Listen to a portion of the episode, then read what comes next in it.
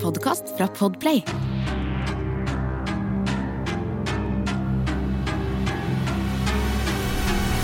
Hei og velkommen til Forsyningsfredag podcast. I dagens episode skal vi ta for oss en sak som kan være skremmende for enkelte lyttere. Det vil også være snakk om seksuelt misbruk, så dersom du er sensitiv til informasjon som dette, så anbefaler jeg deg å lytte med en du stoler på, eller eventuelt skru av. I dag skal vi ta for oss saken om Alissa Turney, som ble født 3.4.1984, og foreldrene hennes heter Barbara og Steven. Ekteskapet mellom de to var imidlertid ikke det beste, og det blir beskrevet som veldig turbulent og usunt, så derfor så velger de å skille seg kort tid etter at Alissa blir født. Allerede i 1987 finner Barbara seg en ny mann, nemlig Michael Turney, som på tidspunktet jobba som politi, men etter hvert så valgte han å gå vekk fra det og begynne som elektriker i stedet. Fra før av hadde Michael tre sønner, mens Barbara hadde Alissa og storebroren John. Storebroren John hører vi egentlig ikke så veldig mye om, men det tar ikke så lang tid før Barbara og Michael ender opp med å gifte seg, og Barbara tar hans etternavn. Kort tid etterpå så får de også et barn sammen, og hun heter Sarah. Som niåring møter Alissa sin biologiske far for første gang, eh, og hun hadde jo da ikke noe minne fra før foreldrene skilte seg. Jeg har prøvd å finne noe informasjon om hvordan det første møtet gikk, men det eneste jeg kunne finne, var at eh, etter dette møtet her så bestemte Barbara og Michael seg for at de ikke skulle tillate noen form for kontakt mellom Alissa og den biologiske faren. Så da vil jeg jo anta at det møtet her kanskje ikke var helt toppers, og at det var et eller annet de ikke likte under dette møtet. 1993 er året som skal snu hele livssituasjonen til familien på hodet. I løpet av det året her får Barbara kreft og dør etter hvert, som resulterer i at stefaren Michael nå adopterer Alissa. Samme år så flytter også alle sønnene ut, og da vil det si at det kun er Michael, Alissa og Sarah igjen under samme tak. Det er også nå ting skal endre seg veldig i oppdragelsen Michael gir de to døtrene, og det her kan være helt essensielt for saken. Sarah har forklart at det er nå hun begynte å merke en veldig markant forskjell, og hun så at Michael hadde et helt annet forhold til henne enn hva han hadde til Alissa. Mot Alissa var han veldig kontrollerende, skulle bestemme veldig over hun og følge etter hun for hvert eneste steg hun tok. Da Alissa var på skolen, kunne han kjøre bilen til skolen og overvåke hun. Og det fortsatte da hun også fikk seg en deltidsjobb på en fastfood-restaurant. Og under flere omstendigheter så hadde han satt seg i bilen, kjørt til arbeidsplassen hennes og stått på parkeringsplassen for å filme henne mens hun var på jobb. Mot Sarah på den andre siden var han egentlig livets drømmepappa i hennes øyne, og Sarahs store helt. Han var alltid morsom og snill, lot hun holde på akkurat sånn som hun ville, og ga henne ingen konsekvenser uansett hva hun gjorde.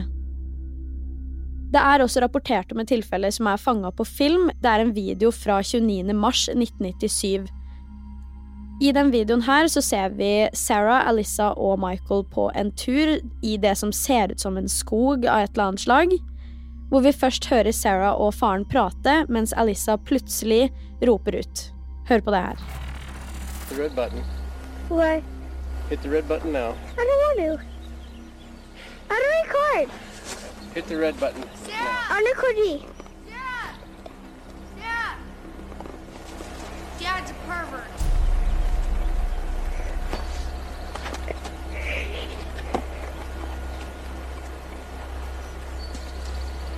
Sir. Give me the camera now.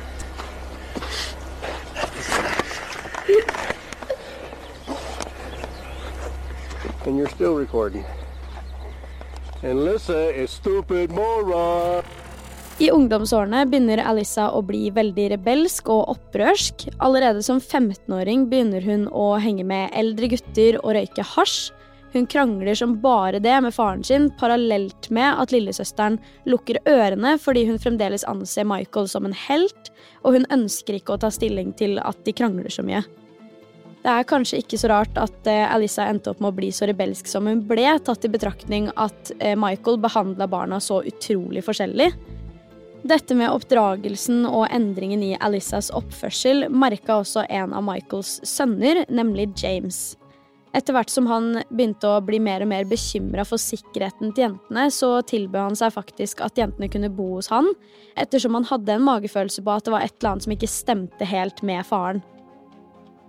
Ifølge James hadde også Alissa nevnt for han at hun ikke ønska å bo hjemme lenger, og da kommer igjen tilbudet fra James. Dette endte hun imidlertid aldri opp med å gjøre.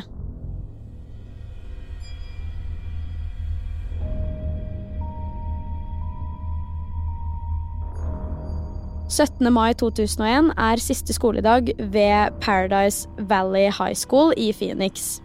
Det her var egentlig en veldig veldig fin dag for 17 år gamle Alissa, og hun gleda seg veldig til den avgangsfesten som elevene skulle ha på kvelden etter seremonien.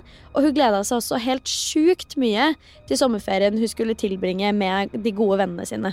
Den samme dagen hadde lillesøsteren Sarah tilbrakt i et badeland i nærheten sammen med klassen sin, så generelt gikk den dagen her veldig bra, og jentene hadde mye å glede seg til begge to. Dessverre er dette også dagen som skulle snu livet på hodet nok en gang for Turney-familien. Avgangsfesten Alissa hadde gleda seg så utrolig mye til, og sommerferien hun ikke klarte å slutte å tenke på, skulle Alissa aldri få oppleve. Da skoledagen var over for Sarah, skulle egentlig Michael hente henne, men av en eller annen merkelig grunn så dukka han ikke opp til avtalt tid, så i mellomtida så valgte Sarah å bli med en venninne hjem og heller vente på han der. Det er ikke da før klokka blir mellom fire og fem på ettermiddagen at han dukker opp, og det er nå datteren får beskjeden om at faren er veldig bekymra siden Alissa ikke tar telefonen, og han mistenker nå at Alissa er forsvunnet. Selvfølgelig kommer det her som et sjokk på både lillesøsteren og Michael, og de to begynner nå å lete og forsøker å ringe gjentatte ganger til Alissa med Michaels telefon, men uten hell. Da de etter hvert eh, kommer hjem, så ender de opp med å gå gjennom rommet hennes for å sjekke om det er noe de kan finne der. Det første de da legger merke til, er at rommet er veldig rotete, og det ser ut til å ha blitt forlatt i hastverk. Noe som var veldig ulikt Alissa, fordi hun var veldig glad i å ha det ryddig og fint rundt seg. Hele skolesekken til Alissa er nå tømt, men selve skolesekken er ingen steder å finne. De forsøker nå å ringe telefonen hennes enda en gang, men denne gangen hører de faktisk at telefonen vibrerer. Telefonen blir funnet på kommoden hennes, og ved siden av ligger det et brev. Det lyder som følger, oversatt til norsk. Pappa og Sarah. Da dere slapp meg av på skolen i dag, bestemte jeg meg for at jeg virkelig skal dra til California. Sarah, du sa du ikke ville ha meg her. Og se, du fikk det. Jeg er borte. Det er hvorfor jeg sparte pengene mine. Pappa, jeg tok 300 dollar av deg. Alissa. Lillesøsteren blir ikke sånn veldig sjokkert over hva som står i brevet, for Alissa hadde nemlig en tante på morssiden i California som hun veldig lenge hadde snakka om at hun hadde lyst til å besøke. I tillegg så hadde hun også snakka om å dra til California i det hele tatt, det var noe hun virkelig hadde lyst til. Michael blir derimot helt hysterisk, og det første han gjør, er å løpe rundt i nabolaget og forhøre seg med naboer for å finne ut om det er noen som kan ha sett hun eller hørt noe, men dette også til ingen nytte. Senere på ettermiddagen, etter å ikke ha hørt noen ting fra Alissa, så bestemmer Michael seg for å rapportere det inn til politiet. Han skriver med en gang ut savna-plakater og henger dem opp i nærområdet, før han så drar ned til politistasjonen og forklarer at de to har hatt en stor krangel, og at hun nå har dratt til California. Jeg nevnte jo James, nemlig Michaels sønn, som hadde tilbudt seg å ha jentene hos seg. Da han fikk beskjeden om at Alissa hadde forsvunnet, så anså han det også som veldig sannsynlig at hun hadde rømt hjemmefra, for hun ville jo absolutt ikke bo hjemme. Det James likevel syns er veldig merkelig etter å ha gått litt tid, er at Alissa ikke har prøvd å ta kontakt med noen av de som bryr seg om henne. Han tenkte at hun i det minste ville tatt kontakt med han eller tanta i California, men det hadde hun altså ikke gjort. Umiddelbart blir saken stempla som en rømning, og dermed etterforskes ikke saken noe videre. Ingen blir avhørt, ikke engang klassekameratene til Alissa, som var de siste til å se henne i live. Og personlig syns jeg egentlig det brevet er veldig merkelig i seg selv, spesielt med tanke på hvordan det er skrevet, og også omstendighetene rundt det. Alissa hadde jo snakka om den avgangsfesten helt sinnssykt lenge, og til og med gjennom hele skoledagen hadde hun vært så gira på både den og sommerferien. Det tar rundt en ukes tid etter forsvinningen før Michael nå hevder at Alissa har ringt han og kjefta og sverta i telefonen og forklart at det er hans feil at hun nå hadde rømt, og at hun aldri ville komme tilbake. Michael fikk faktisk kontakta telefonselskapet så de fikk spora opp telefonnummeret, og det viste seg at personen som ringte, ringte fra en telefonkiosk i California, men det er til dags dato ikke bekrefta hvorvidt det faktisk var Alissa som ringte eller ikke, for det er jo vanskelig å si med tanke på at det var en telefonkiosk. Dette er også informasjon som Michael leverer til politiet, og det gjør også at statusen på saken ikke endres, så Alissa står faktisk fremdeles oppført som en rømling hos politiet. Etter hvert blir denne tanta i California også kontakta som første person i saken til å i det hele tatt bli prata med fra politiet sin side. Det viser seg at Alissa aldri har verken kontakta henne eller besøkt henne i California, så teorien om at hun rømte for å bo med tanta si, falt veldig gjennom så fort de i det hele tatt fikk prata med tanta. Politiet mente at Alissa likevel kunne ha dratt til California, og dermed blir heller ikke saken etterforska noe særlig mer. Det tar rundt et år før de andre familiemedlemmene begynner å stille seg litt kritiske til denne plutselige forsvinningen. Det viser seg nå nemlig at Alissa fremdeles har hver eneste dollar av det hun ifølge det brevet hun skrev, hadde spart opp til rømningen, på kontoen sin. Om det stemmer at hun sparte opp til det her, hvorfor har hun ikke brukt en eneste dollar på et helt år?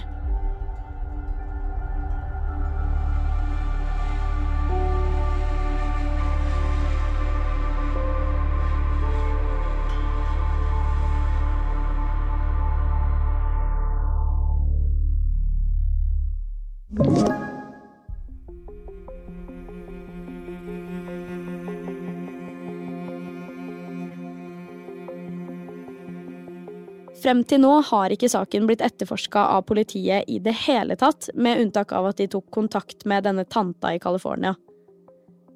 Fem år etter forsvinningen skulle det her endre seg. Vi er nødt til å prate litt om Thomas Heimer.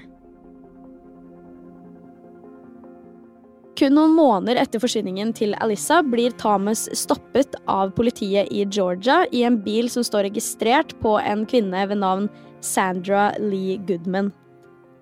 Dagen før hadde Sandra, som sto som eier av bilen, blitt funnet drept under en hotellseng i Florida. Alt det her resulterer i at Thomas blir dømt til livstid i fengsel for drapet, og blir i 2003 satt i fengsel. Det er jo også en kjent sak, spesielt i USA, at eh, drapsmenn av og til tilstår flere drap eh, enn hva de er dømt for, og at de da tilstår dette her etter å ha blitt satt inn i fengsel. Og akkurat sånn er det i det tilfellet her også.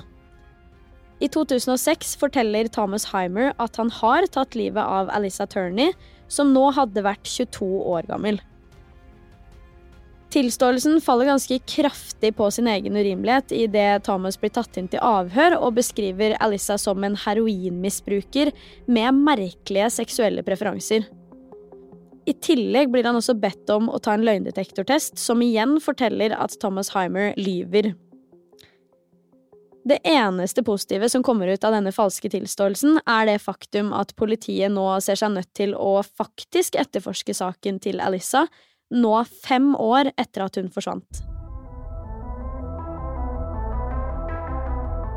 På det tidspunktet her begynner alle å stille spørsmålstegn ved forklaringa til faren Michael, til og med familiemedlemmer.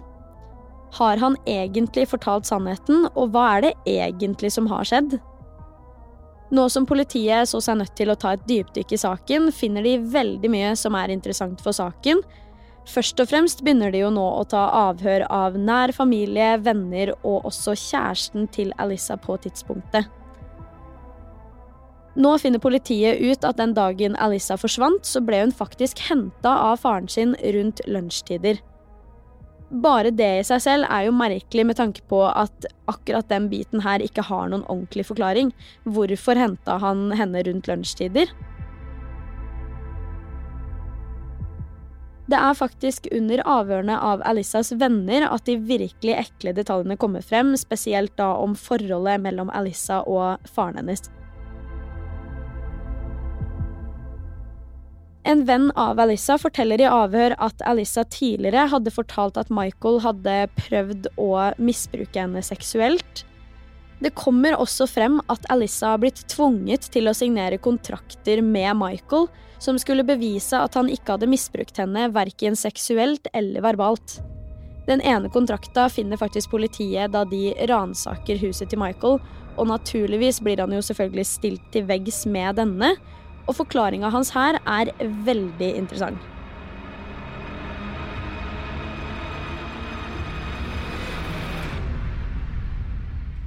Han forklarer at dette var en metode han hadde lært på et kurs han tok, og at det her var et eksperiment han ville teste fordi han selv ikke fikk noen oppdragelse når han var liten.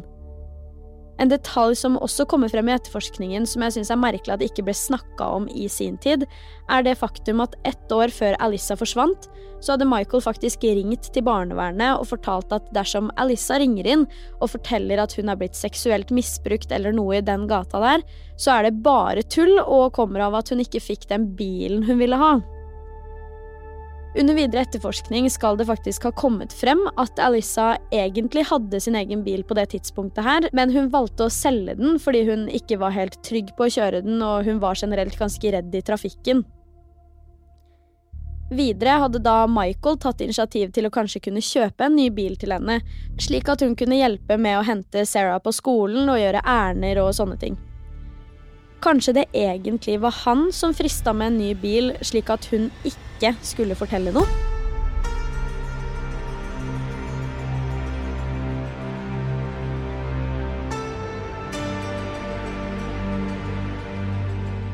Under ransakingen av huset til Michael så finner politiet overvåkningskameraer både på innsiden og utsiden av huset, og disse har videoopptak datert helt tilbake til 80-tallet. Utrolig nok er alle overvåkningsbildene fra dagen Alissa forsvant, sletta. Michael forklarer det her med at han hadde selv gått gjennom alle disse timene med opptak og sett at det ikke var noe der som kunne hjelpe saken. Men hvorfor kunne han ikke da bare levert disse opptakene til politiet hvis det ikke var noe der? Politiet fant også en lydopptaker som var kobla til Michaels telefon.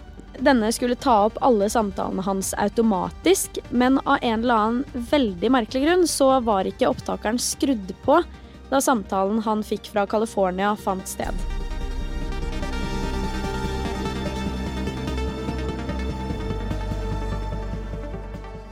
Under ransakingen finner også politiet 19 angrepsrifler, 26 håndlagde eksplosiver, to håndlagde lyddempere og en varebil fylt med bensinkanner. Dette har han altså vært i besittelse av, i tillegg til at han har skrevet et manifest han kaller 'Diary of a Madman Martyr'. Det manifestet her er interessant, fordi det inneholder beskrivelser og forklaringer av hvordan han mente at fagforeningen for elektrikere sto bak forsvinningen til Alissa. Som jeg nevnte innledningsvis, så jobba jo faktisk Michael som elektriker selv på det tidspunktet her, men virka veldig bitter og sint på fagforeningen i manifestet sitt. Han beskriver også tydelig her at han skal begå et angrep på fagforeningen og også ta sitt eget liv i prosessen. I lang tid nekter han for at disse våpnene og eksplosivene er hans, men i 2010 så innrømmer han at det faktisk er hans, og blir dermed dømt til ti års ubetinga fengsel.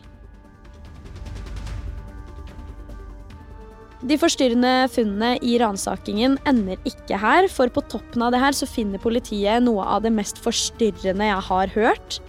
De finner nemlig en pornografisk video som viser en kvinne som blir bortført og drept.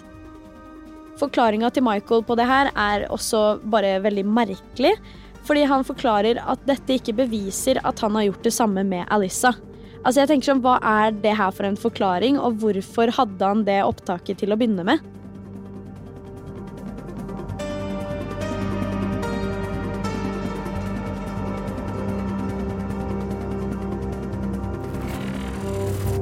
My name is Sarah Turney, and this is Voices for Justice. I 2019 starter Sarah Turney podkasten Voices of Justice, hvor hun har tatt for seg saken om storesøstera si i mange episoder. Veldig detaljert, og den inneholder også lydopptak datert langt tilbake i tid. Helt siden etterforskninga begynte, så har hun nærmest dedikert livet sitt til å få rettferdighet for storesøstera si, og hun har også blitt ganske stor på TikTok pga. det her. Etter hvert som faren hennes eh, slipper ut av fengsel og Sarah har informert verden om den saken her, så bestemmer både Michael og Sarah seg for å møtes og ta en kaffe. I Michaels hode skal de da møtes for å ta en hyggelig prat, catche opp og sånne ting, mens i Sarahs hode ville hun egentlig bare ha svar på hva som egentlig skjedde, og hvorfor han har gjort ting som han har gjort de. Denne samtalen blir også tatt opp, og i den samtalen her så forteller faktisk Michael at han kan gi Sarah alle detaljene hun vil ha, og hele sannheten, dersom hun er der på hans dødsleie. Bare hør på det her. Be there at the deathbed, Sarah, and I'll give you all the honest answers you want to get. Why don't you give them to me now? Because you got them now.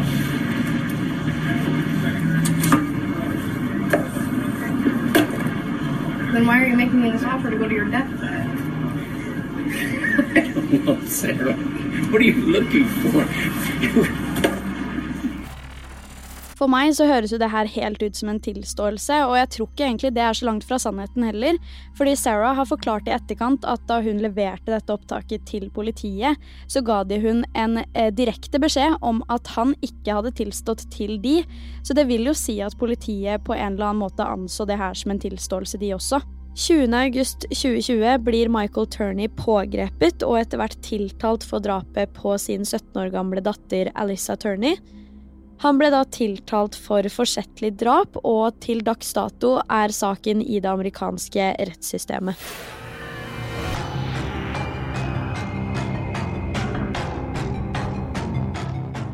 Du har hørt Forsvinningsfredag podkast, og dersom du har lyst til å høre om flere saker, så kan du sjekke ut min YouTube-kanal under samme navn som meg sjæl. Uansett så vil det komme en helt ny episode av Forsvinningsfredag podkast allerede neste fredag, og i mellomtiden, ta vare på deg selv. Du har hørt en podkast fra Podplay. En enklere måte å høre podkast på. Last ned appen Podplay, eller se podplay.no.